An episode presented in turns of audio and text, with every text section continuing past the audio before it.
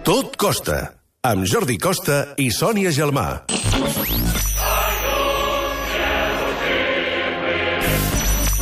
Zargemada. 7 minuts i arribarem a les 8 del vespre.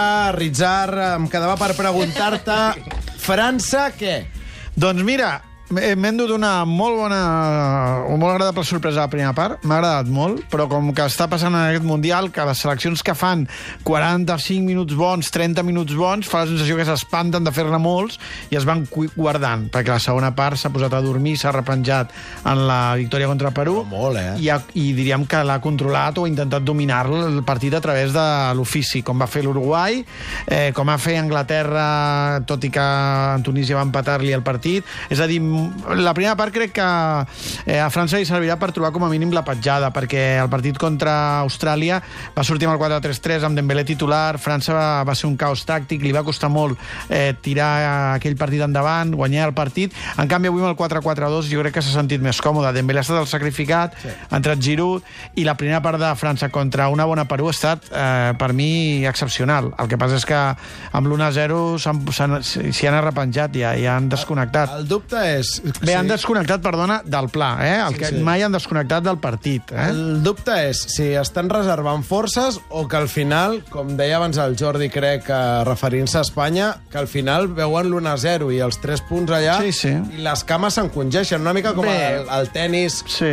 que s'encongeix el braç quan tens la victòria molt a prop. Sí, eh, jo crec que més que encongir-se, eh, eh, els, hi fa, els hi fa por i, per tant, no arrisquen. Jo, jo no, no, he vist, no veig les seleccions després superades, sinó veig que volen, a través d'una altra idea, controlar el partit. Com normalment les seleccions no han tingut gaire treball previ i no són seleccions amb una personalitat molt marcada, excepte seleccions que vinguin treballant durant molt de temps, dominen diferents registres segons la qualitat dels jugadors. Mm. I França tant pot ser una França més proactiva com a la primera part, com més reactiva a la segona. És veritat que Perú ha tingut molta pilota, però ho deia el Jordi, Perú i Marroc són seleccions que sense gol és molt difícil sobreviure, perquè França, eh, com ha passat per exemple amb Dinamarca, que és una selecció que jo crec que ha estat inferior al seu rival als dos partits, però en canvi, eh, passant per Schmeichel i per Eriksen, s'ha encarregat de dominar les àrees i Dinamarca està sobrevivint així.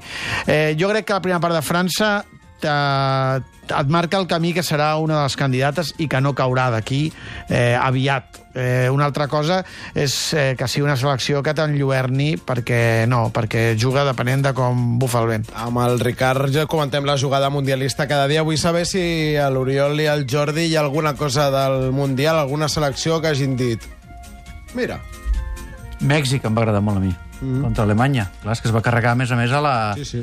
I en aquest cas sí, jugant bé a futbol i guanyant, que és la combinació que més ha costat fins ara. Eh? La resta crec que en general, eh, malgrat alguna estona o deixant de banda alguna estona, eh, bastant prescindible tot de moment. Jo, jo sóc de l'opinió que el Mundial comença en quan arriba el cara a cara. Com- Una mica com la com Champions. la Champions. Correcte. Sí, sí, totalment d'acord. Tot i així, també podem veure una mica de millor futbol Sí, que sí, estem sí. veient. Sí. Ah. Perquè Però passa, pot- eh? Portem ja més de 20 partits o més Sí.